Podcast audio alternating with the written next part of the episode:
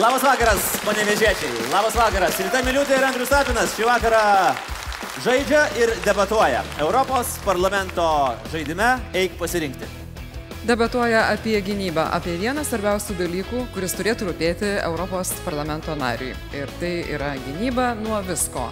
Ir nuo terorizmo, ir nuo kibernetinių atakų, ir nuo visko, kas tai gali grėsti ir žaidžia. Žaidžia atsakinėdami į labai rimtus klausimus apie Lietuvą, pasaulį, ES ir Europos parlamentą. Galbūt e, mūsų kandidatų žinios galės padėti jums apsispręsti gegužės 26 dieną, kai visi keliausime prie balsavimo urnų. Pirmas etapas, pirmas žaidimas, o po to debatai su ryta. O jūsų palaikymas gali padėti jūsų kandidatams arba nepadėti jūsų kandidato varžovams. Žaidžiam.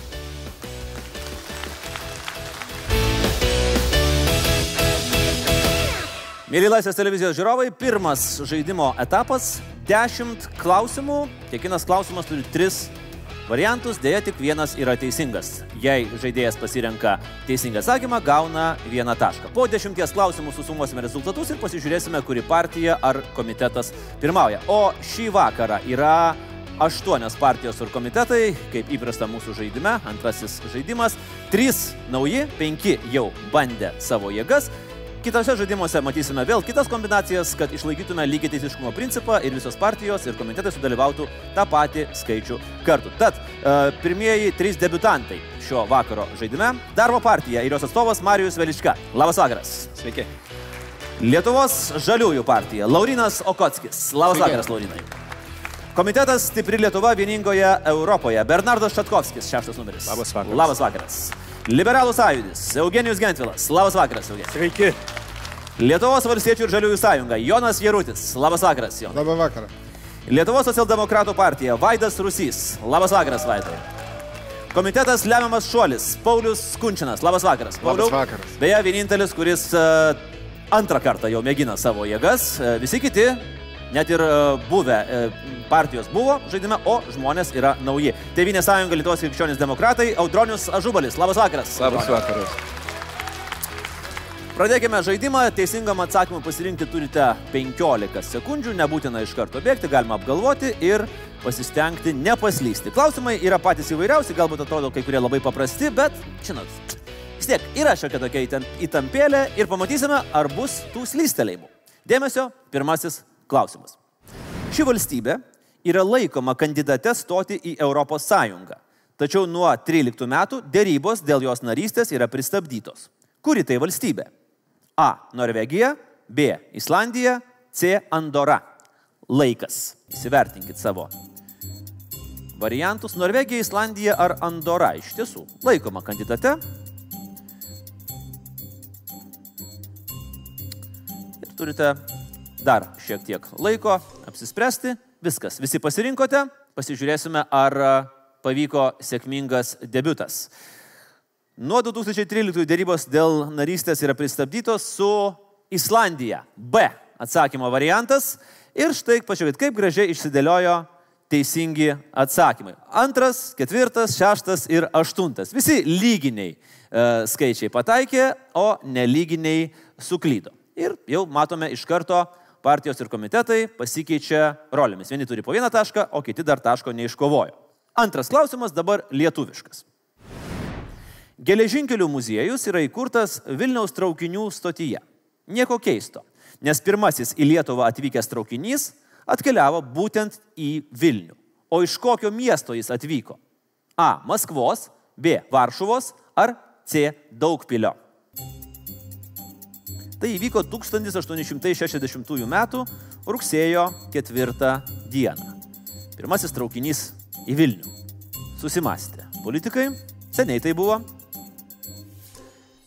Laikas ir dėmesio teisingas atsakymas. Pirmasis traukinys į Vilnių 1860 metais atvyko iš kaiminės Latvijos, iš Daugpilio.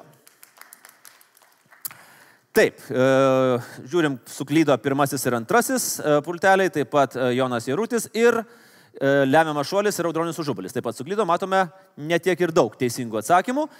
Dar vienas klausimas, o po jo pasižiūrėsime, kaip sekasi partijoms ir komitetams po trijų klausimų. Toks galbūt ir šiek tiek klastingas klausimas, nors kai kuriems žvelgiant į jūsų, į jų žinant jūsų politinę patirtį, turėtų būti labai lengvas. Kuris asmuo pasirašė konstitucinį aktą dėl Lietuvos Respublikos narystės ES?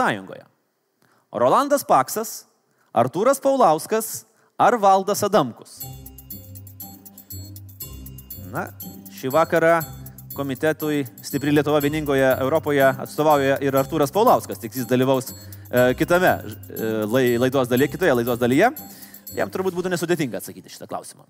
Turime visus atsakymus ir iš tiesų smalsu sužinoti, kiek žaidėjų atsakė teisingai, o kiek suklydo.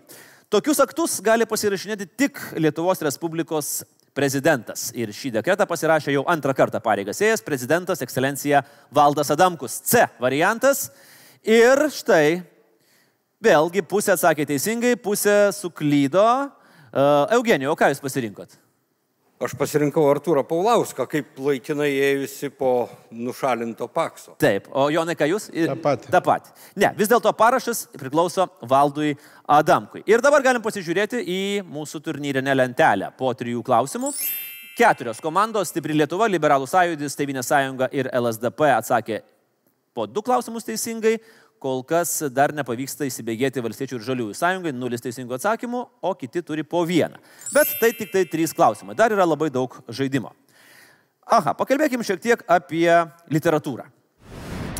1922 metais pasirodžiusiame romane Leopoldas Blumas gyveno adresu 7 Eccles Street vos vieną dieną. Tačiau to užteko, kad jis išgarsėtų visame pasaulyje. Kuriame mieste gyveno Leopoldas Blumas? A. Dubline, B. Berlyne ar C. Amsterdame. Na, daug yra užuominų užkoduota klausime. 22 metai, romanas, Leopoldas Blumas, viena diena ir taip toliau. Pasirinkote visi Leopoldas Blumas buvo turbūt vieno iš žymiausių literatūros kūrinių, Jameso Joyce'o kūrinio Ulisas veikėjas. Ir vieną dieną vyksta veiksmas mieste, kurį puikiai mes žinome. Tai yra Dublinas. A variantas, antras ir penktas. Suklydo, suklydo Laurinas ir suklydo Jonas. Kiti atsakė teisingai ir pasipildė savo kraitelį dar po vieną tašką. Dėmesio, penktasis klausimas ir po penkto klausimo pasižiūrėsime, kaip atrodo lentelė pasiekus pirmojo etapo pirmąją pusę. Kuri iš šių ES šalių vėliausiai suteikė teisę balsuoti moterims? A. Italija, B. Suomija ar C. Airija. Galiu šiek tiek pasufleruoti, tai įvyko 1946 metais. Italija, Suomija ar Airija. Nežinau, kiek e, įtakos e, galėjo turėti antrasis pasaulinis karas ir itin nesėkminga karo pabaiga tai valstybei. Galbūt uh, moteris sakė, nu jau užteks šitų nesąmonių, bet vėliausiai tai padarė Italija. A. Variantas. Eugenijus ir Jonas suklysta, o Suomija padarė Pirmoji 1906 metais, Airija 1918 metais. Ir užbeskime akį į turnyrinę lentelę po penkių klausimų. Įpusėjom pirmąjį etapą.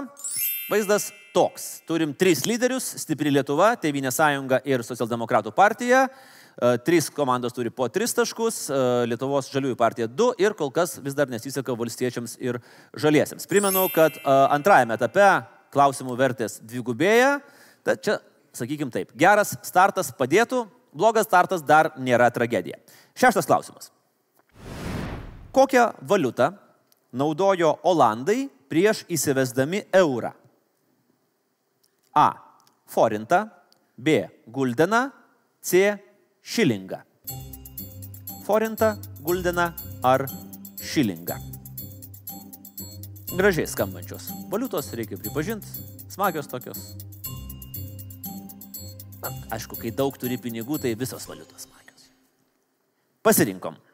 Visos trys valiutos be abejo buvo naudojamos iki euro, forintas Vengrijoje, šilingas Austrijoje, o guldenas Olandijoje. Taip, B variantas - Guldenas ir norėjau sakyti, kad visi atsakė teisingai, bet slystelėjo Marius. Mariu, ką pasirinkot jūs? Forintą. Forintą, vengrų valiutą.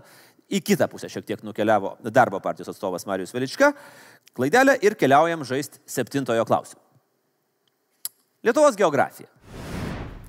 Jeigu mažiausias pagal plotą Lietuvoje yra Širvintų rajonas, kuris yra didžiausias? A. Vilniaus rajonas, B. Varėnos ar C. Panevežio rajonas. Kuris rajonas pagal plotą, ne pagal gyventojus, pagal plotą, kuris yra didžiausias?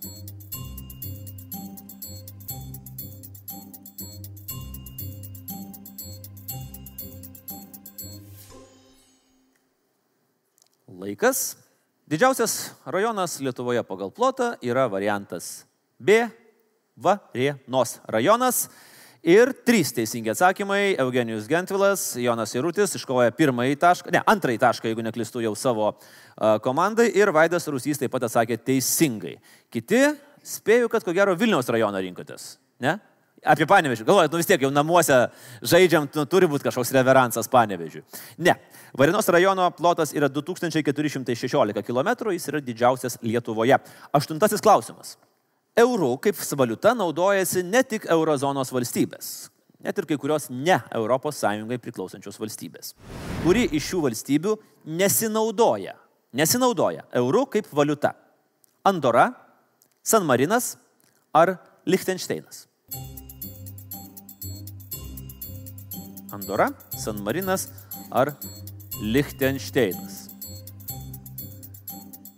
Irgi toks suktokas klausimas, sakyčiau. Eurų nesinaudoja Liechtensteinas. C variantas. Ir teisingai atsakė vėlgi pusė komandų, tai yra Tevinė sąjunga, LSDP ir du mūsų naujokai - Darbo partija ir Žaliųjų partija. Gerai, po aštuonių klausimų dar norėčiau pasižiūrėti į mūsų turnyrinę lentelę. Kaip atrodo dabar, E, kai kurios partijos iškovojo pirmosius taškus, kai kurios suklydo ir pasikeitė lyderis. Ir vienvaldis dabar lyderis Lietuvos socialdemokratų partija, Vaidas Rusys 7 taškai, Tevinės sąjunga 6 taškai, Stipri Lietuva ir Liberalų sąjūdis po 5. Kas yra smagiausia, nebeliko žaidėjų, kurie nepatikė ne vieno teisingo atsakymo, po truputį, po truputį judam į priekį. Liko du klausimai pirmajame etape. Devintasis. Europos parlamentas jaunimui rengia konkursą puoselėjantį europiečių bendrumą ir tapatumą. Konkurso pavadinime minimas vienas žinomas Europos valdovas. Kuris? Karolis Didysis, Julijus Cezaris ar Napoleonas Bonapartas. Beje, jo vardu yra pavadintas ir premijos fondas, būtent to Europos valdovo vardu, kuris steigia konkurso nugalėtojams premijas. Karolis Didysis, Julijus Cezaris ar Napoleonas Bonapartas. Skirtingų epochų trys uh, Europos valdovai, tačiau šis konkretus valdovas buvo A variantas - Karolis Didysis arba Šarleman. Uh, Jonas Jerutis suklydo, o visi kiti pateikė teisingą atsakymą. Na, tikrai turbūt sunku tikėtis, kad uh, Julijaus Cezario vardu būtų pavadintas fondas uh, jaunimui, siejantis bendrumą ir tapatumą. Na, Napoleonas galbūt realesnis variantas. Bet štai Karolis buvo tas, kuris vienijo Europos tautas. Ir paskutinis klausimas. Po jo suskaičiuosim taškus ir žaidėjai pasikeis. Mano vietą užims Rita Miliutė ir debatai apie gynybą. Dešimtasis klausimas. Jungtiniai karalystiai išstojus iš ES, na, kada nors. Daugiausia papildomų vietų Europos parlamente po penkias gaus dvi valstybės. Viena iš jų yra Prancūzija. O kuri valstybė yra antroji? Vokietija, Ispanija ar Niderlandai? Vokietija, Ispanija ar Niderlandai? Kaip žinia, Lietuvos europarlamentarų kvota nepasikeis, kiek turėjom vietų, tiek mums ir liks. Fiksuojam atsakymus. Kaip bebūtų keista, viena iš šių valstybių išstojus Britams negaus nei vienos papildomos vietos, nes jie jau ir taip turi maksimumą, tai yra Vokietija. Niderlandai gaus tris, o Ispanija gaus penkias vietas. ir džiaugiasi. Ir lemiamo šuolio lyderis, teisingai sakė ponas Ažubolis, ponas Gentvilas, trys teisingi atsakymai. Ir po šių paskutinių teisingų ir neteisingų atsakymų metas pasižiūrėti, kaip išsidėlioja mūsų komandos, partijos ir komitetai po pirmojo žaidimo etapo. Dėmesio į ekranus. 2. Lyderiai Tevinė sąjunga ir Lietuvos socialdemokratų partija laimi pirmąjį etapą, surinkę po 8 klausimus iš 10. Trečioji vieta Liberalų sąjūdis, ketvirta, penkta vieta dalyjasi Stipri Lietuva ir lemiamas šuolis, darbo partija šešti, kartu su Žaliųjų partija po penkis taškus. Ir Valstiečių Žaliųjų sąjunga turi du taškus. Primenu, po antrojo etapo į finalą pateks keturios daugiausiai taškų surinkusios komandos, bet antrajame etape jau taškai dvigubinsis. Todėl viskas galės pasikeisti. O dabar metas debatams su Rita Miliutė.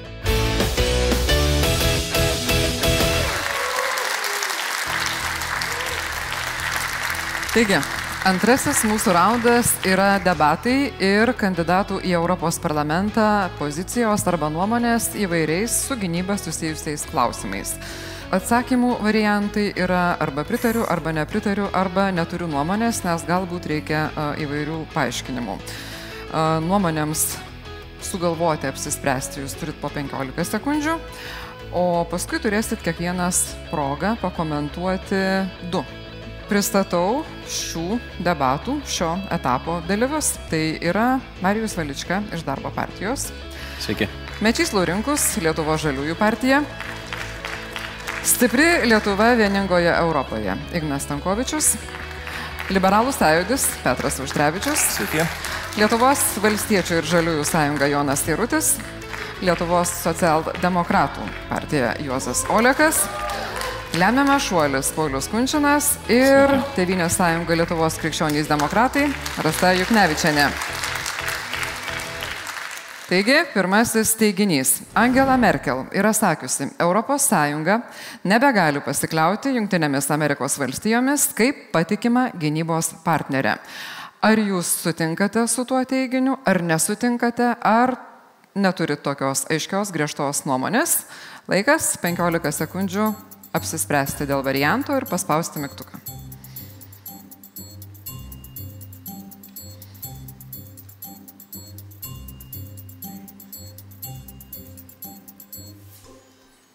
Panašu, kad dviejonių neturim, visi pretendentai į Europos parlamentą turi tuo klausimų poziciją, ponia Juknevičiane. Paprašysim jūsų per minutę išsakyti savo argumentus, dėl ko jūs griežtai nesutinkat. Todėl, kad Junktinės Amerikos valstijos išlieka patikima partnerė ir išliks, todėl, kad Europa yra ir Junktinė Amerikos valstijų interesas.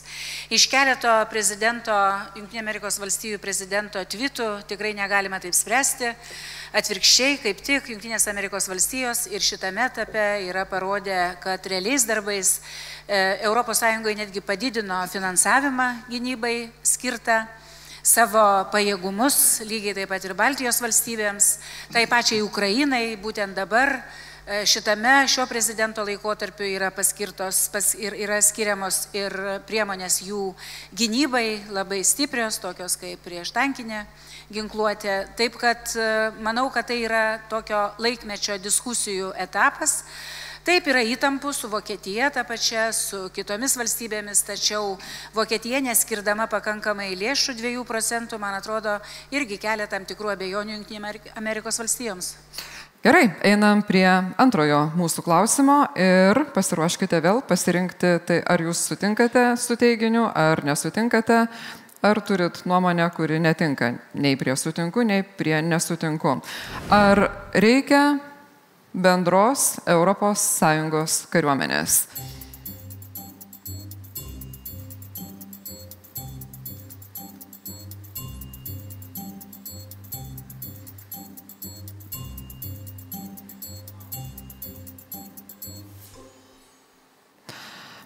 Ponas Stankovičius sakė, kad kita nuomonė, tai tuomet ir pasiklausykime minutę. Kadangi klausimas trivialus, kas tai yra bendra kariuomenė, kadangi NATO kaip tokios kariuomenės irgi neturi, ją sudaro nacionalinės paėgos narių. Tai klausimas yra, kaip reiktų elgtis, jeigu iškiltų situacija, kada ES turi ginti savo poziciją ar preventyviai panaudojant jėgą. Reiškia, kaip reikėtų sukurti valdymo mechanizmą ES šalių dalyvavim tom pačiom nacionaliniam pajėgom. Ir tai nekompromituoja NATO. ES sprendžia savo reikalus. Prisiminkim, kaip sprendė Irake Junktinės Amerikos valstijos. Tai tos variantas, jeigu būtų sukurtas mechanizmas, kaip valdyti nacionalinės paėgas, jeigu tai yra tik tai ES reikalas, tai e, manau, kad galėtų, bet tai ne kariuomenė, tai yra valdymo mechanizmas, kaip ir NATO. Dėkui Jums už uh, Jūsų argumentus. Ir po klausimo ar teiginio dėl bendros Europos kariuomenės, kitas logiškas klausimas galėtų būti ir bus toks. Naujasis Europos parlamentas turės balsuoti dėl Europos gynybos fondo finansavimo. Ar jūs, jeigu būtumėte tame naujajame Europos parlamente, pritartumėte skirti jam 13 milijardų eurų ilgalaikiai perspektyvai?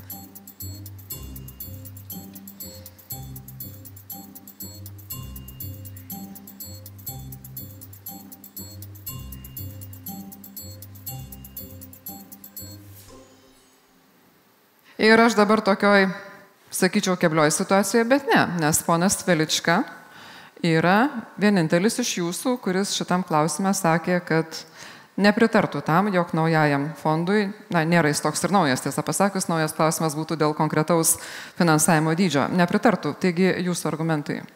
Mano argumentai yra tokie, kad šiandienai ES koviniai pajėgumai, kokie yra, yra finansuojami pakankamai, didinimas, e, didinimas biudžeto, kuris yra susijęs su galbūt Europos e, kariuomenės arba ES kariuomenės kūrimu, manau, kad nebūtų efektyvus, kadangi didelė dalis, kadangi didelė dalis e, pajėgumų yra dubliuojami tų pačių valstybių, ta pati Lietuva. Šiandienai skiria tos pačius karinius vienetus tiek į ES kovinės grupės, tiek į NATO, į NATO kovinės grupės, todėl manau, kad ES finansavimas, ES fondo didinimas šiandienai nebūtų efektyvus sprendimas, kadangi yra poreikių tikrai kitokių, o tam tikros funkcijos, kur mano pasirinkimas buvo ir dėl ES kariuomenės nekūrimo, tai yra tai, kad labai didelė dalis yra dubliuojama su NATO. Šiandienai manau, kad pagrindinės NATO narės ir ES narės šiandienai neturėtų dubliuoti tų pačių funkcijų. Kovinė, kovinė ir saugumo politika turėtų būti atiduodama NATO, ES turėtų būti ekonominė bendryje, kurios pagrindai yra nesaugumo užtikrinimas. Dėkui. Iš tikrųjų, Europos gynybos fondas, taigi ir finansavimas jam būtų skiriami šiek tiek kitokiam dalykam. Tai būtų įvairių technologijų kūrimas ir panašiai. Ir tuomet noriu ir klausti dabar jūsų būtent dėl Europos gynybos fondo lėšų naudojimo prasmingumo ir tikslingumo, kaip, kaip jūs tą suprantat. Ir čia vėl bus tas klausimas, kur jūs arba jūs pritarsit, arba nepritarsit, arba rinksitės trečiąjį variantą. Ar Europos gynybos fondas turėtų finansuoti robotizuoto mirtino ginklo kūrimą? Tai yra, na, tiesiogiai nevaldomo žmogaus, turiu galvoj, ne fiziškai. Taigi, turim 15 sekundžių. Ar Europos gynybos fondas turėtų finansuoti robotizuoto mirtino ginklo kūrimą?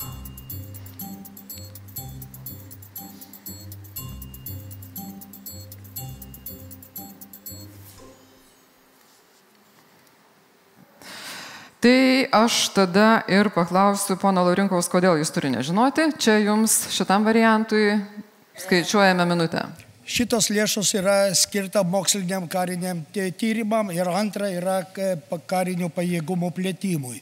Dviem dalim. E, tai šitoj mokslinio karinio tyrimų kariniams tikslams E, nėra aiškiai nusakyta, e, kokio pobūdžio turėtų būti. ES koncepcija lyg ir neturėtų praleisti tokio tipo ginklo. Bet vis dėlto tai mokslinis tyrimas, todėl šiuo atveju todėl ir nežinau. Mhm.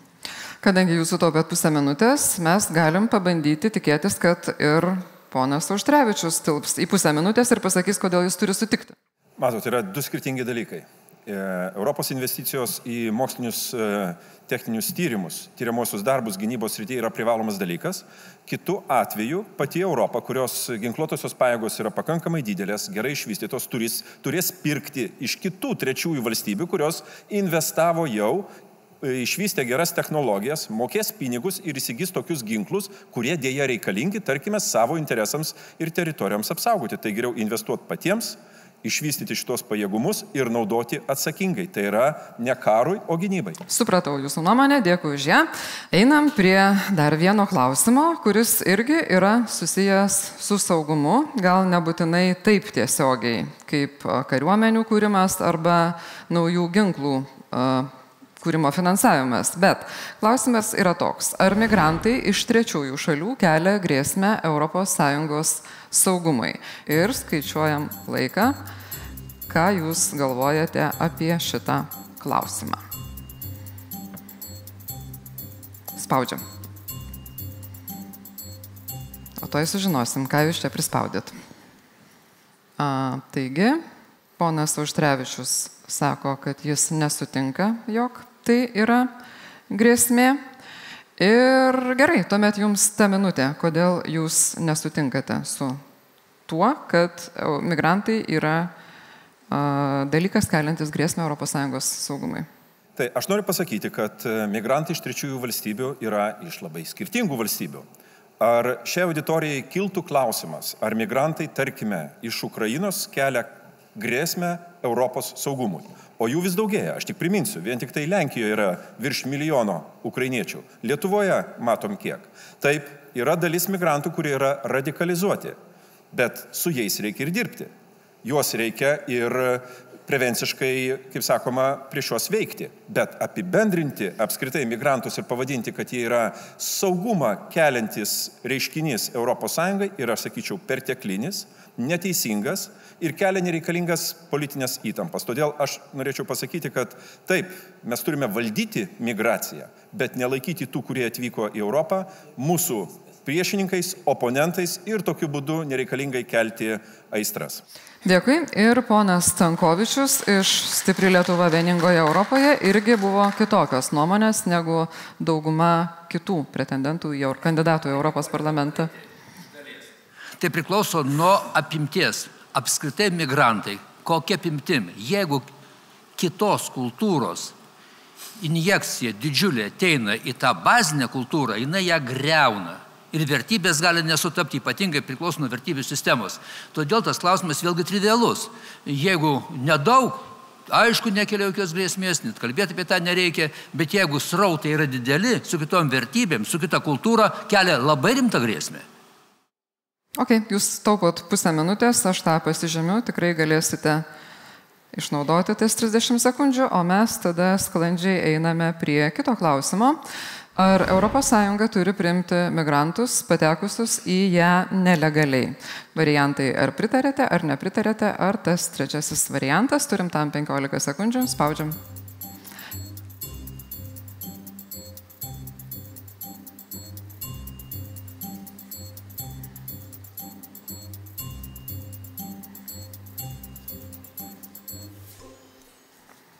Pas mus kažkaip šiandieną labai mažai kalba ponas Jarutis. Gal jūs norėtumėt pagrysti argumentais savo poziciją, dėl ko nereikėtų priimti migrantų? Tiesiog migrantai ir pabėgėliai, čia dvi, dvi savokas apie, apie pabėgėlius vienareikšmiškai būtų galima kalbėti, o migrantai paprastai, paprastai žmonės ieško geresnio gyvenimo. Norint patekti į mūsų šalį, ieškoti geresnio gyvenimo, reikia tai padaryti legaliai. Neteisė negali tapti teisė. Aš manau, kad mes teisingai elgtumėmės tuo atveju, jeigu neteisėtai patekusius migrantus į Lietuvą deportuotume. Ačiū. Aha, jūs pasiūlėt variantą, kad juos reikėtų deportuoti, o kur juos deportuoti? Į jų kilmės, kilmės šalį, šalį, kaip mes ją nustatytume? Į kilmės šalį, nu. Ok, supratau. Gerai, galime eiti prie kito klausimo. Jūs susitaupėt savo kokias nors 20 sekundžių, kadangi nesat šnekus, tai galėsit išnaudoti, kalbant apie kitą klausimą. Taigi, kitas klausimas yra, ar ES šalis turėtų pačios kontroliuoti savo sienas ES viduje.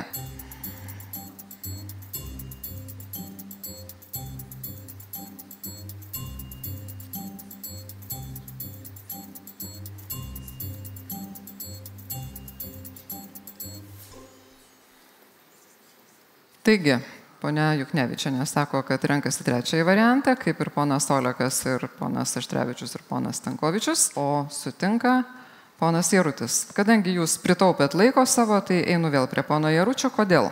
ES Lietuva turėtų, pavyzdžiui, susigražinti vidinių sienų kontrolę. Aš gal netaip supratau e, klausimą, bet e, ne vidinių sienų kontrolė, bet turėjau mintį spausdamas, kad niekas kitas už mus negali mūsų kon sienų kontroliuoti. O vidinių sienų kontrolė, jeigu irgi netiesioginė ne prasme, kaip anksčiau būdavo, bet iš esmės kontrabanda vyksta per vidinės sienas.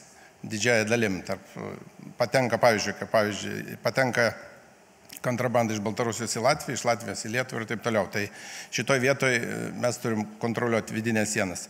O šiaip apskritai Lietuva yra unikalioje situacijoje, kada mes kontroliuojam apie tūkstantį kilometrų ES išorinės sienas. Bet mes galvoju, kad šitą kontrolę turėtų negult vienant Lietuvos pečių, tuo tą sienų kontrolę turėtų dalintis visas kitas ES šalis. Tai ir manimo... investuoti į, į sienų saugumą, kas yra daroma ir Lietuvos vyriausybės į, į, į elektroninę kontrolę, okay. į fizinę kontrolę ir taip toliau. Aš jums galiu pridėti jūsų sutaupytas 20 sekundžių, jeigu norit šitam klausimui. Okay, tai nenorit vis dėlto. Gerai, tai tada nebeklausiu, ar tuomet Lietuva turėtų prisidėti prie Italijos, pavyzdžiui, jūros sienos apsaugos arba kaip nors panašiai. O devintas mūsų klausimas, ačiū. Taigi, čia dabar tas klausimas, kur sutinkat, nesutinkat, trečiasis variantas. Ar ES gali apriboti žmogaus teisės, jeigu to reikalauja piliečių saugumas? Čia 15 sekundžių. Galvojam arba spaudžiam, jeigu galvoti nereikia. Laikas.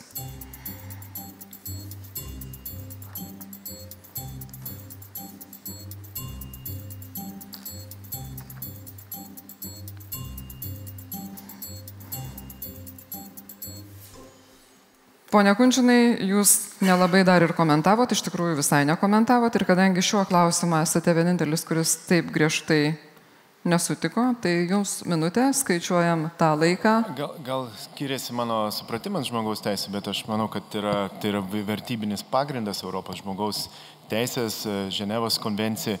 Ir jeigu mes pradėsim daryti išlygas ir sakyti, kad galima vardant saugumo, tas teisės kažkaip taip pažeisti, tai tai yra vienas žingsnis iki diktatūros.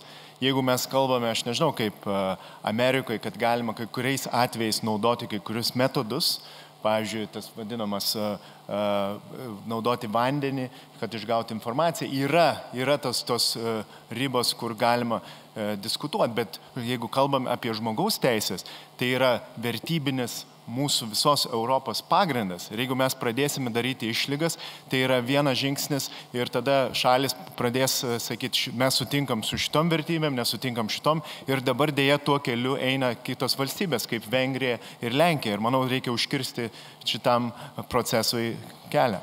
Dėkui, jūsų minutė, supratom jūsų poziciją. Tai tuomet dar šiek tiek apie tas žmogaus teisės, dėl to, kad iš tiesų jos yra ir svarbios, ir jos dažnai yra susijusios su piliečių saugumu. Kaip minėjo ponas Kunčinas, ar galima naudoti vandenį, turbūt turėt galvoje ne tiek vandens naudojimą, kiek kankinimą naudojant vandenį.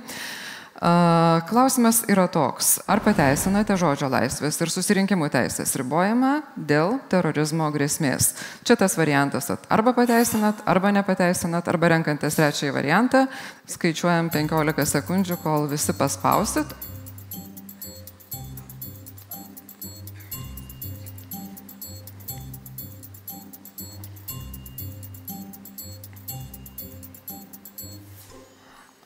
Ir tuomet Pone Laurinko, kodėl ne? Todėl, kad Paryžiuje šaudė, bet e, niekas neįvedė jokių e, apribojimų. Ne, netiesa. Ką? Nu, netiesa. bet apribojimų nebuvo, niekas jokios ne, neįvedė. Netiesa. Pone Užtrevičiu? Tai yra visiškai netiesa. Jau du metai Prancūzijoje, konkrečiai Prancūzijoje yra įvesta uh, antiteroristinė padėtis, kovos su terorizmu padėtis ir labai aiškiai nustatytos taisyklės, ką galima padaryti, ką ne. Antras pavyzdys yra informacinis terorizmas. Jeigu internete viešojo erdvėje tas dalykas, kaip sakant, nuomonės tam tikros arba verbavimas arba radikalizavimas vystysis laisvai, mes pamatysime labai daug blogų rezultatų. Kalba yra apie žodžio laisvę. Žodžio laisvė tai yra kalbėjimas ir, ir nuomonė. Ne. Na, ja. Žodžio laisvė yra kas kita. Man labai gaila, kad aš turiu nutraukti pačioje įdomiausioje vietoje, bet vis tiek taisyklės turėtų būti toks dalykas, kurio daugiau mažiau galėtumėm ir laikytis. Pilietybė mainais už investicijas kelia pavojų Europos saugumui ar ne? Na, tarkim, kaip suteikia Malta arba Latvija arba kokia nors kita valstybė. Spaudžiam ir 15 sekundžių variantui pasirinkti.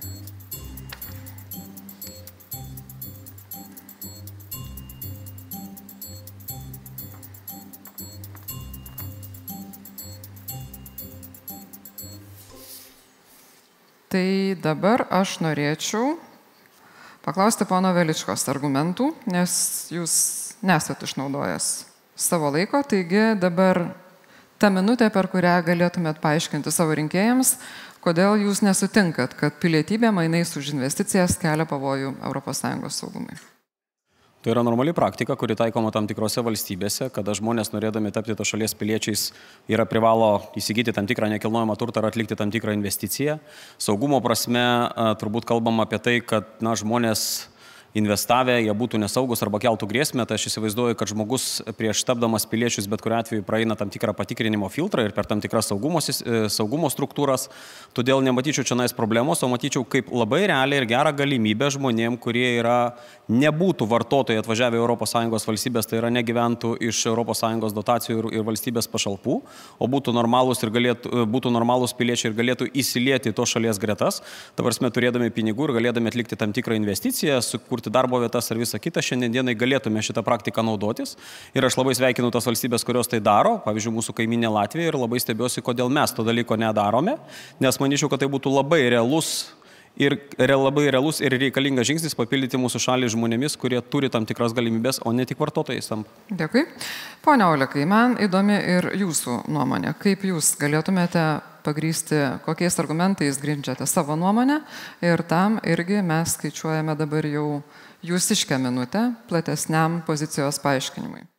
Tai aš manau, kad pilietybę iš tikrųjų galime suteikti už tam tikrus nuopelnus, jeigu mes kalbame apie šimtinius atvejus, nusipelnimą, e, pasišventimą atskirom ES valstybėm. Bet jokių būdų neturėtų būti vien piniginiai dalykai, kurie leistų iš karto įsigyti pilietybę. Kitu atveju, jeigu mes e, suteiktume tokią galimybę, tai e, lėšos gali ateiti iš, iš įvairių nešvarių pinigų. Tie žmonės, kuriuos mes kalbėjome štai prieš tai būsiuose klausimus apie migraciją, e, jeigu jie įmokėtų tam tikrą sumą kur, ir jie gautų pilietybę. Iškai jie galėtų laisvai judėti visos ES teritorijoje ir be abejo E, naudodamėsi demokratinėm ES teisėmis, e, kelti grėsmę čia jau būdami iš vidaus ES vienos iš valstybių piliečiais. Todėl manau, be e, specialių reikalavimų pilietybė tikrai neturėtų būti suteikiama už pinigus. Dėkui už Jūsų nuomonę. Einam prie kito mūsų klausimo. Iš pradžių, kaip visada, tas variantas, kur pasirenkam vieną iš variantų, o paskui kažkas iš jūsų pakomentuoja plačiau. Ar pritartumėte griežtesniam internetu perdodamų duomenų stebėjimui? 15 sekundžių, spaudžiam ir jūsų atsakymas.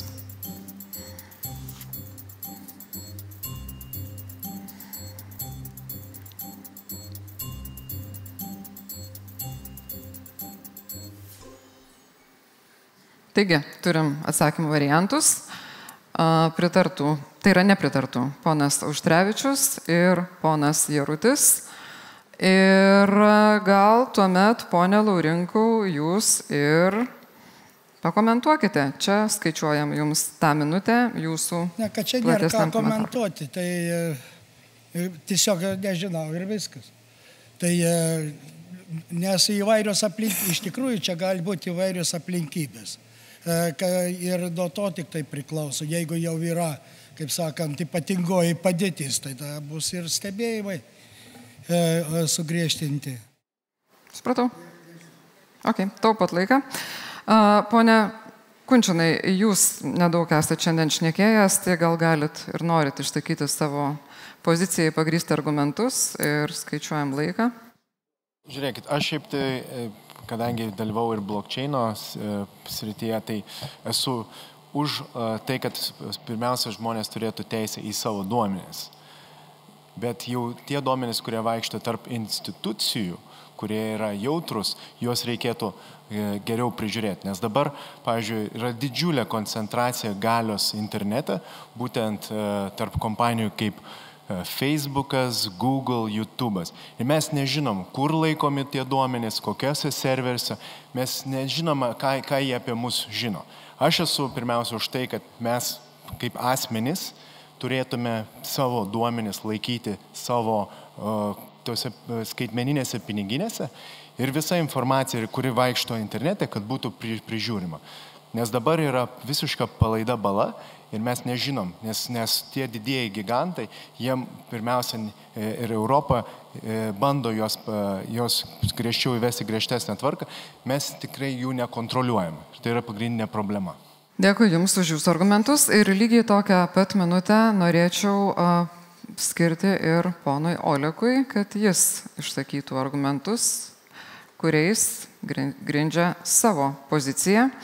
Tai yra, ar pritartų griežtesniam internetu perdodamų domenų stebėjimai. Skaičiuoja minutę.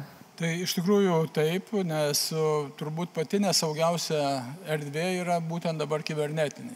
Jeigu mes turime ES ir ypatingai NATO e, pajėgumus gynybinius, pakankamus ir galime iš tikrųjų atgrasyti mūsų e, potencialius priešininkus, tai kibernetinėje erdvėje iš tikrųjų galimybių veikti ir įtakoti e, tiek poveikį prieš ES, jos piliečius, e, kaip valstybės, tiek prieš kiekvieną mūsų individą yra pakankamai daug. Ir mes matome tuos įvykstančius kibernetinės erdvės trikdžius, kibernetinės atakas, kurią suvaldyti turbūt vienintelis galimas instrumentas tai papildoma e, kontrolė būtent tų duomenų, kurie vaikšto tarp įvairių subjektų, tarp įvairių valstybių, nes tai gali būti perdomi signalai būtent tokiam veiklai, kurios išvirsta ir į teroristinės, ir į panašias atakas. Puikiai, dėkui. Ir dabar reikime prie vieno tokio labai rodosi paprasto, nes dar ir trumpo klausimo.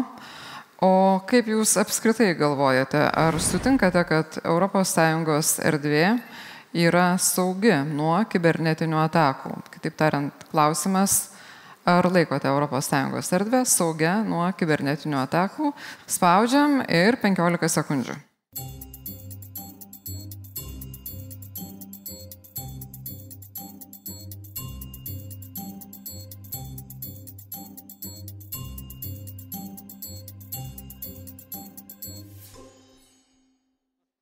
Niekas iš jūsų nesutinka. Jeigu rodom teisingus balsavimo rezultatus, tai vadinasi, turit vieningą nuomonę.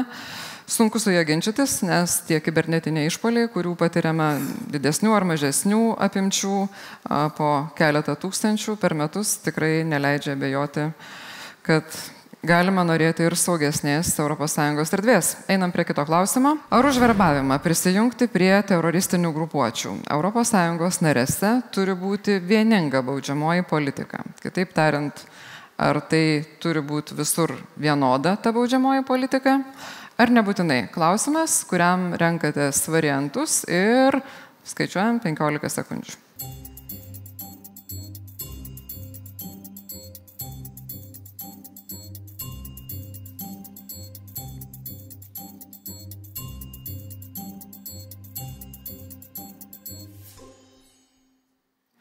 Pone Juknevičiane, kadangi jūs dar nesate išnaudojusi savo argumentinės minutės, tai tuomet jūsų ir paprašysiu dabar jau ją išnaudoti šiuo klausimu. Kodėl manot, kad reikėtų skaičiuo minutę?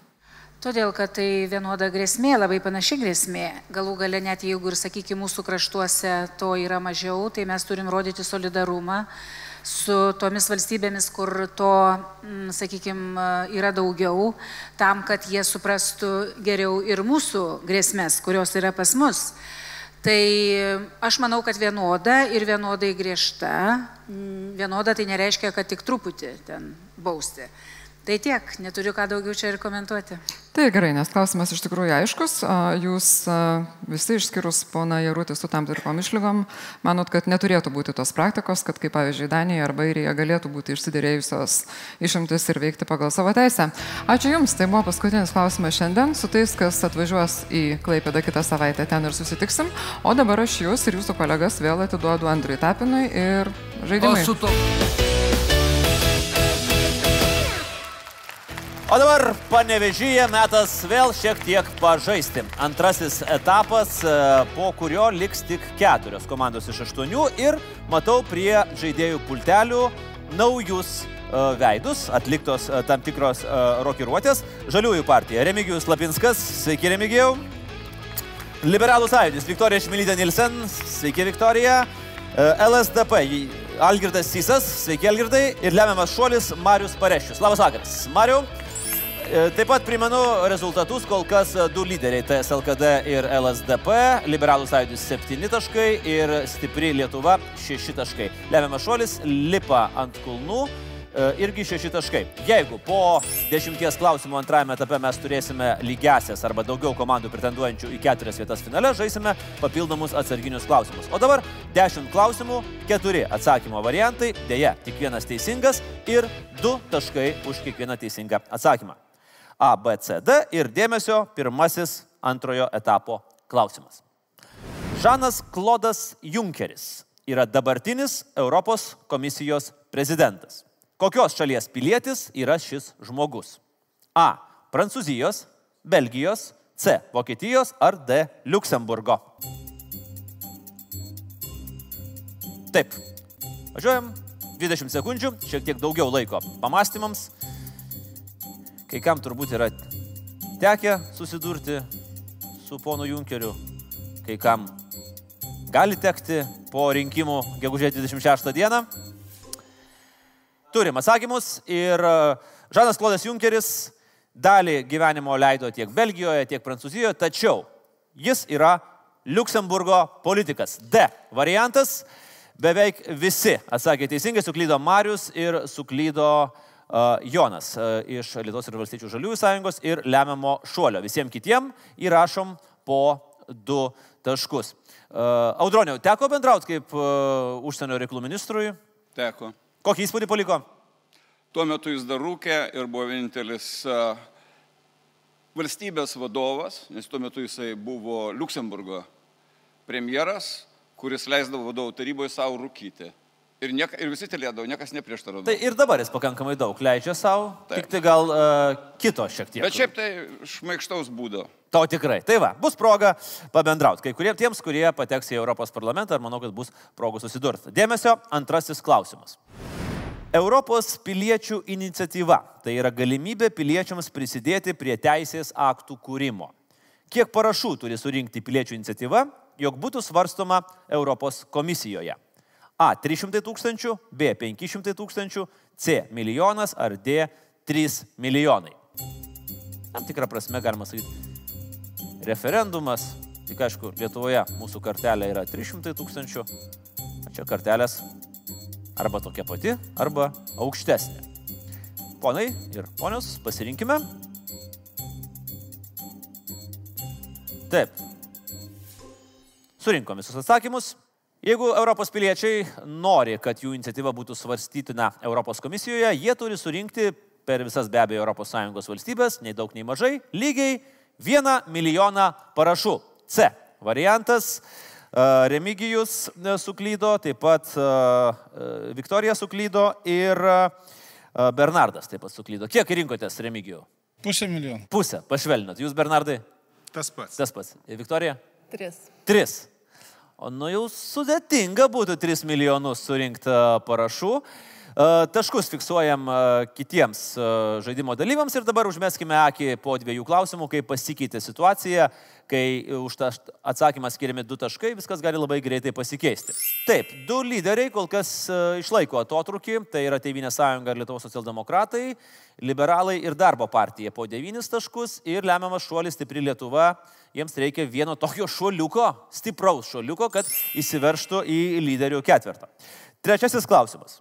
1918 metais pasirašant nepriklausomybės aktą, pirmasis jį pasirašyti stojo Jonas Basanavičius. Tačiau jis buvo užleistas. Kas teisėtai pirmasis turėjo pasirašyti aktą? Salemonas Banaitis, Aleksandras Tulginskis, Donatas Malinauskas ar Antanas Smetona. Laikas.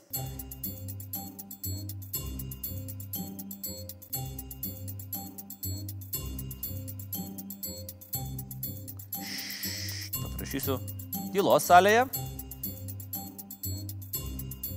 Pasirinko visi mūsų žaidėjai. Bet matau, skėščioje rankomis kai kurie. Nėra įsitikinę, kurgi čia būtų šuo pakastas arba logika. O logika iš tiesų buvo labai paprasta. Tiesiog reikėjo pasižiūrėti abecėlės tvarka. Ir pagal abecėlę pirmasis turėjo būti Salemonas Banaitis. Tačiau iš pagarbos tautos tėvų Jonai Basanavičiui jam buvo leista uždėti parašą pirmajam. Ir taip, Viktorija, Audronius ir Marius dėja suklydo. Audroniu, ką Jūs galvojat, kas turėjo pasirašyti pirmasis? Na, aš spėjau, e, kad Antanas Smetona. Smetona. O Mariu, ką, ką Jūs Stulginskis. Stulginskis. O, visi trys variantai. O, Viktorija? Stulginskis. Stulginskis. Du Stulginskiai, vienas Smetona. O, viskas buvo paprasčiau. Kažkas pagavo tą B raidę ir viskas buvo pakankamai paprasta. Dėmesio, ketvirtasis klausimas. Pagal 17 amžiaus tradiciją Prancūzijos prezidentas yra ir kitos šalies bendravaldovas. Tiksliau, vienas iš dviejų šalies princų. Makronas yra princas. Kokios šalies? A. Andoros, B. Monako, C. San Marino ar D. Maltos. Laikas. Andoros, Monako, San Marino ar Maltos. Sena tradicija, tuo metu galbūt buvo logiškesnė tradicija, kai Prancūzija valdė karaliai. Tada buvo logiška, kad jie tampa. Dabar Emanuelis Makronas princas. Na, yra kaip yra. Ir nuo 17 amžiaus šią šalį valdo du žmonės. Prancūzijos valdovas, karalius, šiuo metu prezidentas ir Urgelo vyskupas. Ir ta šalis yra tarp Prancūzijos ir Ispanijos. Tai yra Andora A variantas. Tik du pataikė teisingai, Jonas Jarutis ir Marijus Velička atsakė teisingai. Išsibarstė, kiti e, pasiklydo kažkur tarp atsakymų, Monakas, San Marinas, Malta. Visi galbūt buvo galimi variantai, tačiau būtent Andora. Gerai, užmeskime akį į turnyrinę lentelę dar po dviejų klausimų. Kaip sekasi pretendentams į ketvertuką. Ir štai turim jau vieną lyderį, tai yra LSDP 14 taškų, darbo partija 13, labai sėkmingai žaidžia Marijus Velička, Tevinė sąjunga 12, Stipri Lietuva 10. Liberalai iškrito ir jiems trūksta na, vieno teisingo atsakymo. Kaip ir beje visiems. Ir į žaidimą, galima sakyti, grįžta ir Valstiečių ir Žaliųjų sąjunga. Pano Jūrušiui labai puikiai sekasi antrajame etape. Lemiamas šuolis, kol kas paskutinis. Štai, bet vėlgi trūksta tik tai vieno teisingo atsakymo. Penktas klausimas. Vyriausias asmuo, tapęs Lietuvos prezidentu, yra ekscelencija Valdas Adamkus. Jam buvo 82 metai, 8 mėnesiai ir 9 dienos. Jauniausias tapo asmuo, kuriam rinkimų diena buvo 37 metai, 9 mėnesiai ir 26 dienos, kuris tai tarpukario Lietuvos prezidentas. Antanas Metona, Aleksandras Tulginskis, Jonas Žemaitis Vytautas ar Kazys Grinius. Dabar toks fokusas, aišku, nepraeitum. Trūksta šiek tiek metų, bet anksčiau buvo ok. Taip, susirūpinę. Kai kurių komandų žaidėjų veidai, viskas gali pasikeisti labai greitai ir staigiai. Turbūt buvo galima lengviausiai išbraukti Joną Žemaitį Vytautą. Klausimas buvo rinkimų diena, rinkimų nebuvo kaip tokių. O jauniausias prezidentas buvo išrinktas 22 metų gruodžio 21 dieną pirmajame Seime, perinktas 23 metų birželio 19. Tai yra Aleksandras Stulginskis, 37 metai, 9 mėnesiai. B variantas - opa. Ne vieno teisingo atsakymo. Visi kažkur iškeliavo, kažkur ieškojo. Ar buvo pasirinkusių žemaitį Vytut? Buvo. Buvo. Prisipažįsta, sažininkai prisipažįsta Audronis ir Algirdas. Bet rinkimų dieną jis, vad būtent, ir buvo paslėptas šitas e, toksai lengva klastelė. Rinkimų dieną. Žaidžiam toliau. Šeštasis klausimas. Iki XIX amžiaus Anglijoje, Prancūzijoje, Airijoje, Škotijoje galiojo mokestis, koregavęs statybos ypatumus. Kuo daugiau pastatas jų turėjo, tuo didesnis buvo mokestis. Kas jie? A. Balkonai, B. Tualetai, C. Langai ar D. Kambariai. Laikas.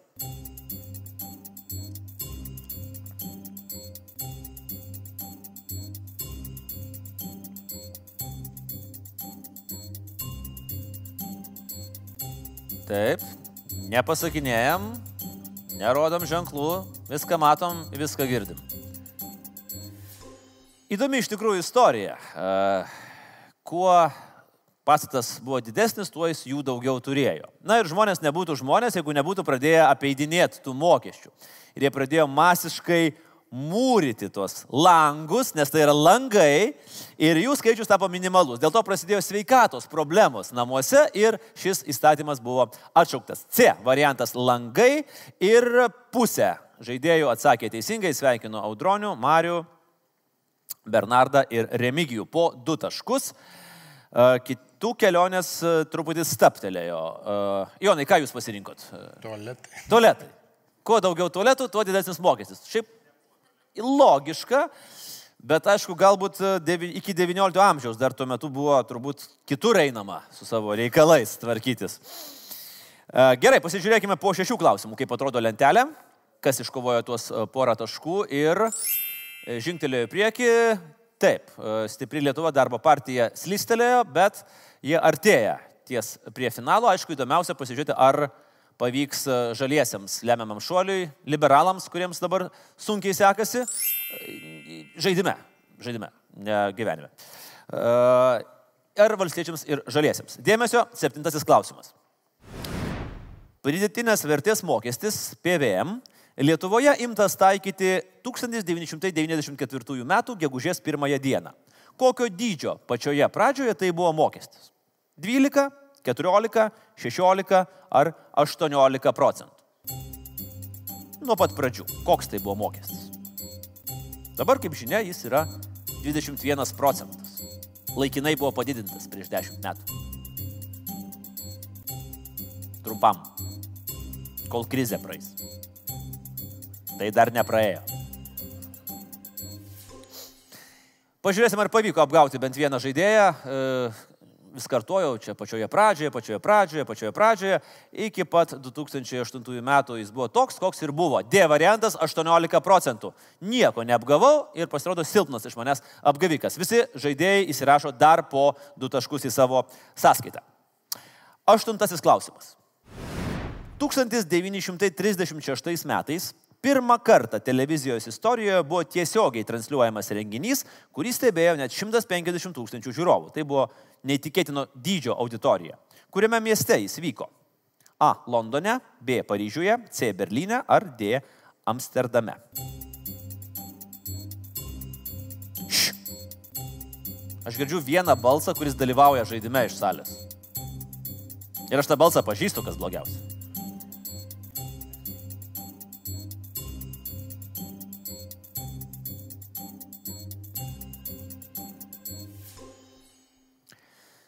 1936 metai Olimpinės žaidynės, vasaros olimpinės žaidynės, milžiniškas susidomėjimas ne tik pačiomis žaidynėmis, bet ir jų šeimininkais. Tuo metu daugam įdomia buvusi valstybė - nacistinė Vokietija. C variantas tai yra Berlynas. Taip, teisingai atsakė Marijus, Remigijus, Viktorija ir Audronius. Po aštuonių klausimų įtampa kyla, keturios vietos laukia finale, pasižiūrėkime turnyrinę lentelę. Ir kaip gražiai, žiūrėkit, išsirikiavo tokiais laipteliais visos komandos 18, 17, 16, 15 ir stipri Lietuva, liberalų sąjūdis ir lemiamas šuolis. Jums reikia, na, atsakyti į abu klausimus teisingai ir tikėtis, tikėtis varžovų klaidų. Deja, Valstiečių ir Žaliųjų sąjungai, Jono Jaručių jau nepavyks patekti į finalą, liko du klausimai, maksimum keturi taškai. Dėmesio, devintasis klausimas. Šis asmuo vadinamas ne tik humanizmo, tačiau ir renesanso tėvų. Kas šis poetas sugalvojęs tamsiųjų amžių terminą? Dante Aligieris, Tomas Moras, Nikolė Makiavelis ar Franceskas Petrarka? Laikas. Tevinė sąjunga ir socialdemokratai gali šiek tiek ramiau jaustis, jie faktiškai garantavo savo kelionę į finalą nors audronis ažubulis purto gal. Nėra lengvas klausimas, tačiau yra įvairių ir užuominų. Taip, visi pasirinkot? Porą variantų buvo galima iš karto atmesti. Mes klausėme poeto.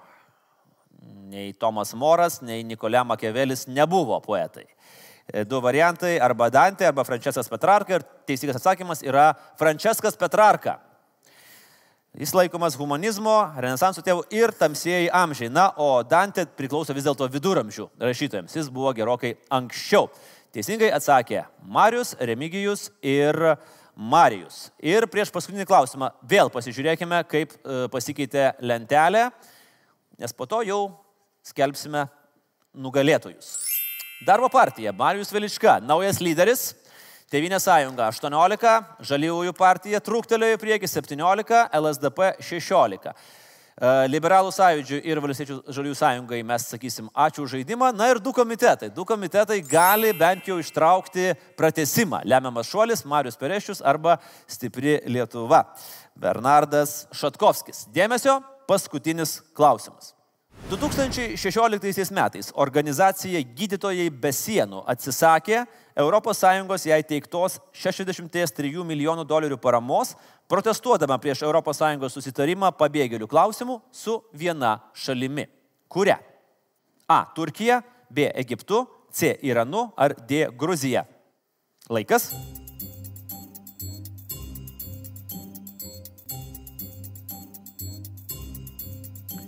Gydytojai be sienų buvo pasipiktinę šio susitarimu, nes mane, kad toje valstybėje su šiais pabėgėliais bus elgiamasi ne kaip su žmonėmis. Laikas. Šis susitarimas 2016 metais buvo sudarytas su Turkija. A variantas. Visi atsakė teisingai, išskyrus Joną Jarutį, Valstiečių ir Žaliųjų sąjungą. Ir tai reiškia, kad situacija nebepasikeičia. Nepavyko nei vienam, nei kitam komitetui, net ir atsakius teisingai, pasivyti savo varžovų. Dėmesio, galutinė lentelė po dviejų žaidimo etapų atrodo taip.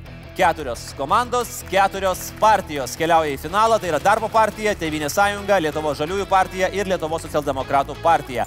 Komitetui lemiamas šuolis, stipri Lietuva, taip pat Liberalų sąjūdžiui ir Lietuvos valstiečių žaliųjų sąjungai. Aš dėkoju už gerą, smagų žaidimą. Ačiū. Finalas. Keturios komandos, keturios partijos šį vakarą Panevežio etape liko. Tai yra Darbo partija, Žaliųjų partija, Lietuvos socialdemokratų partija ir Tevinė sąjunga Lietuvos krikščionis demokratai. Po dviejų etapų sėkmingiausiai pasirodė Darbo partija. Ji į finalą Marijus Veliška atsineša du preminius taškus, o Audronius Ažubalis atneša vieną premijinį tašką. Taigi 2-1-0-0. Finale 10 klausimų be atsakymo variantų. Pirmasis nusprendęs atsakinėti žaidėjas ir atsakęs teisingai gauna 2 taškus. Jeigu jis suklysta, gali mėginti kiti savo laimę, bet jau gaus tik vieną tašką. Nugalėtojas paaiškės po 10 klausimų. Dėmesio, ponai, pirmasis klausimas.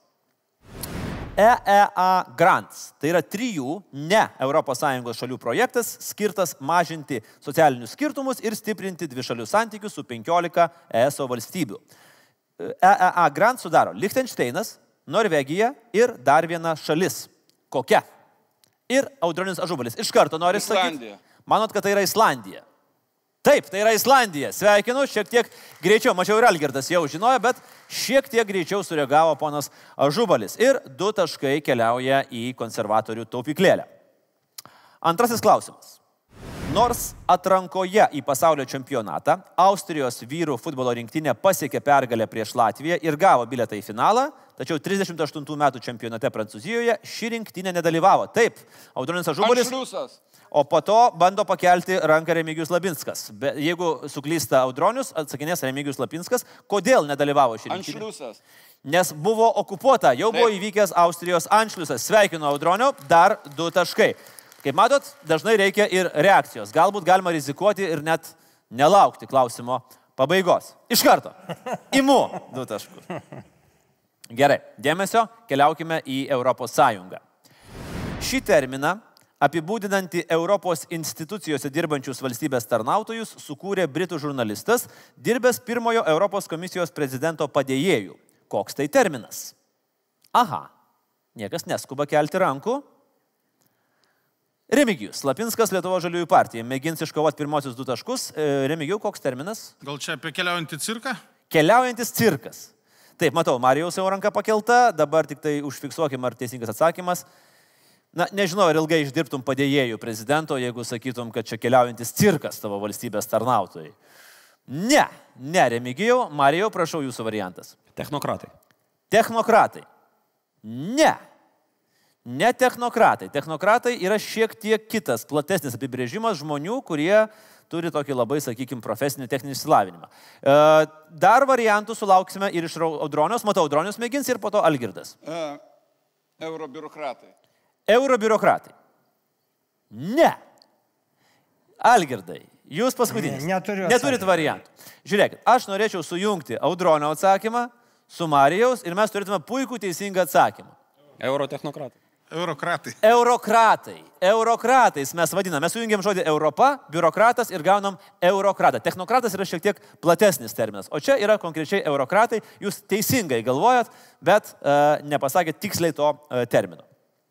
Gerai, ketvirtas klausimas. Kol kas, kai visi suklysta, yra naudinga uh, Tevinė sąjungai, kuri uh, kol kas pirmauja. Užmeskime dar akį po trijų klausimų į lentelę. Tevinė sąjunga 5 taškai, darbo partija 2 taškai ir kol kas Sotsdemai ir Žaliųjų partija dar teisingų atsakymų nepateikė. Na, o Marijus Veliška atsinešė tuos 2 taškus iš sėkmingo pasirodymo antrajame etape. Ketvirtasis klausimas.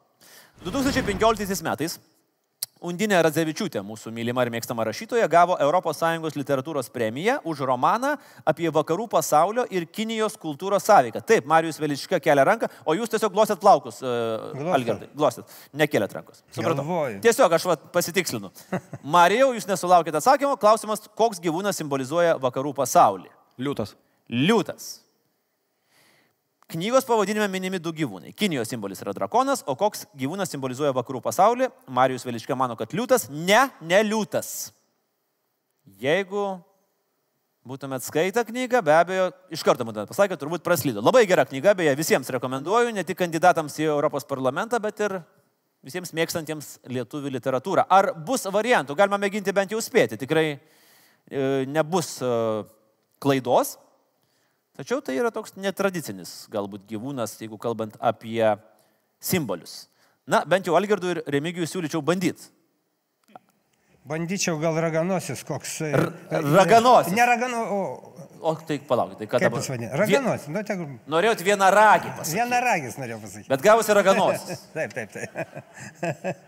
Nu sunku, sunku būtų, kad raganosis simbolizuotų vakarų pasaulį, galbūt labiau ten į Afriką vis dėlto. Ne, ne, ne, tikrai. Ne, ir ne viena ragis. Ir ne viena ragis. Audronio, Remigijų, nėra variantų. Nu, bandykit.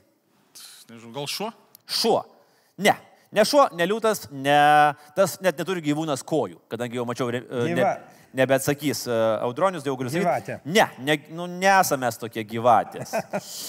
Ne, Undinės Radzevičiūtės kūrinys vadinosi Žuvys ir drakonai. Ir tai buvo žuvis. Turbūt vis dėlto krikščionybės e, tam tikrą prasme simbolis ir e, tai yra logiška. Penktas klausimas. Europos parlamento posėdžių salėje šiek tiek žemiau nei tribūna yra numatyta vieta asmenims, kurie nėra politikai. Kokie tai asmenys? Taip, Marijus ir po to, matau, iš karto norės atsakinėti Remigijus. Jeigu Marijus suklys. Marijau? Europos komisijos, Europos komisijos atstovai, Europos, Europos vyriausybės atstovai. Ne. Ne. Ne, nėra politikai. Ten irgi būna politikai.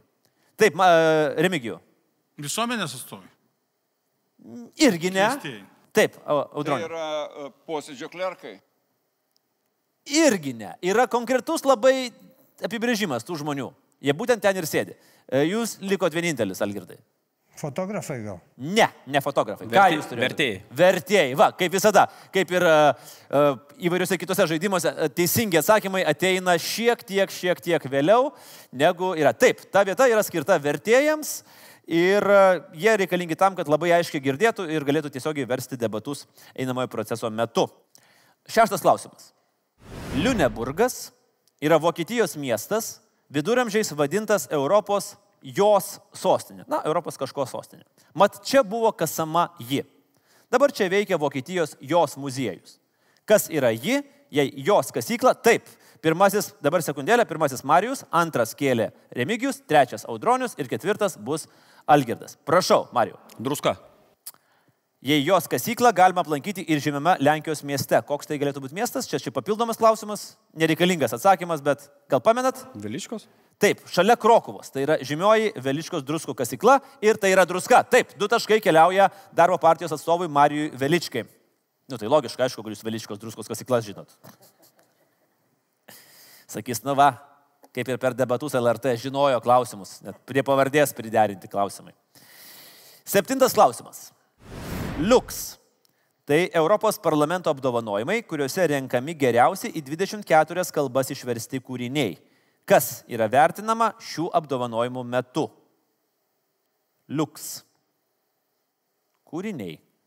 Kūrinių gali būti labai įvairių. Prašau. Kino filmai, kinematografija. Kinematografija, filmai, kitaip Taip. tariant. Ir galbūt galėjo pasufleruoti žodis liuks, šviesa. Taip, tai yra filmai. Ir likus trims klausimams, užmeskime akį. Tikrai žinau, kad pirmauja vis dar e, Tevinė sąjunga ir Audronius Ažubalis. Penki taškai. Darbo partija lipa ant kulnų, keturi taškai. Ir kol kas žaliųjų partija dar taškų neturi. Liko trys klausimai, galima iškovoti šešis taškus. Aštuntasis klausimas. Pasibaigus europarlamentaro kadencijai, jei jis išbuvo EP nariu bent metus ir po kadencijos pabaigos niekur nedirba, jam iki dviejų metų yra mokama išeitinė kompensacija. Dar vadinama auksiniu?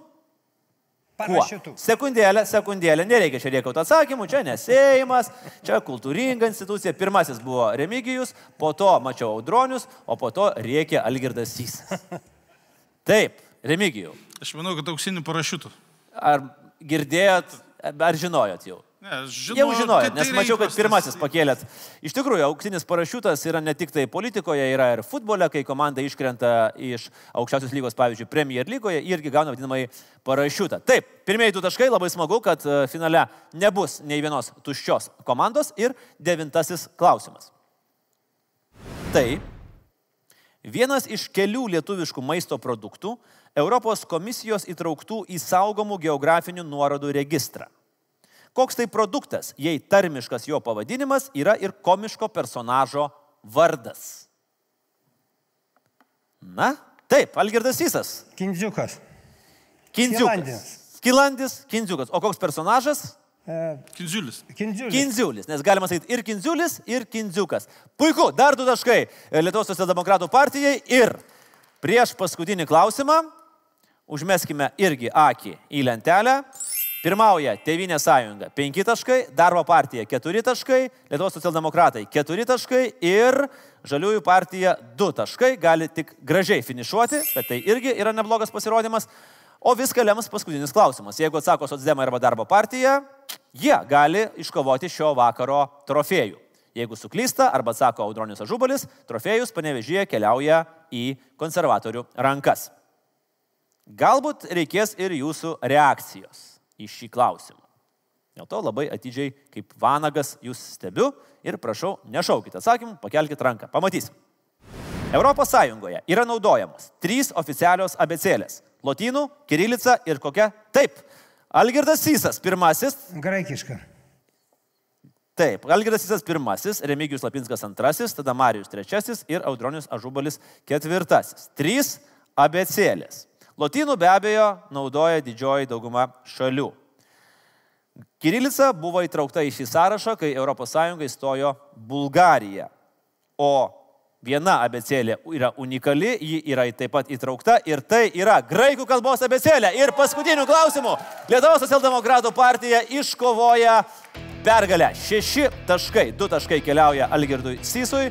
Penkis taškus e, iškovojo uh, Audronius Ažubalis, ilgai pirmavo, tačiau paskutiniu momentu išleido pergalę iš savo rankų. Keturi taškai Marijus Velička darbo partija, du taškai Remigijus Lapinskas. Laukiu jūsų plojimų ir noriu įteikti štai šią taurę. Eik pasirinkti Panevežio miesto etapo nugalėtojui Lietuvos socialdemokratų partijai ir Algirdui Sysui. Prašom, iškelkite taurę aukštyn. Plojimai. Galit pasisveikinti su visais varžovais, keturios komandos, puikus pasirodymas. Manau, kad e, tikrai verta ir buvo įdomu žiūrėti. O mes atsisveikiname su jumis iki dar vieno etapo. Bus nauji sąrašai, nauji kandidatai, nauji klausimai, nauji debatai. Ačiū ir iki. Ate.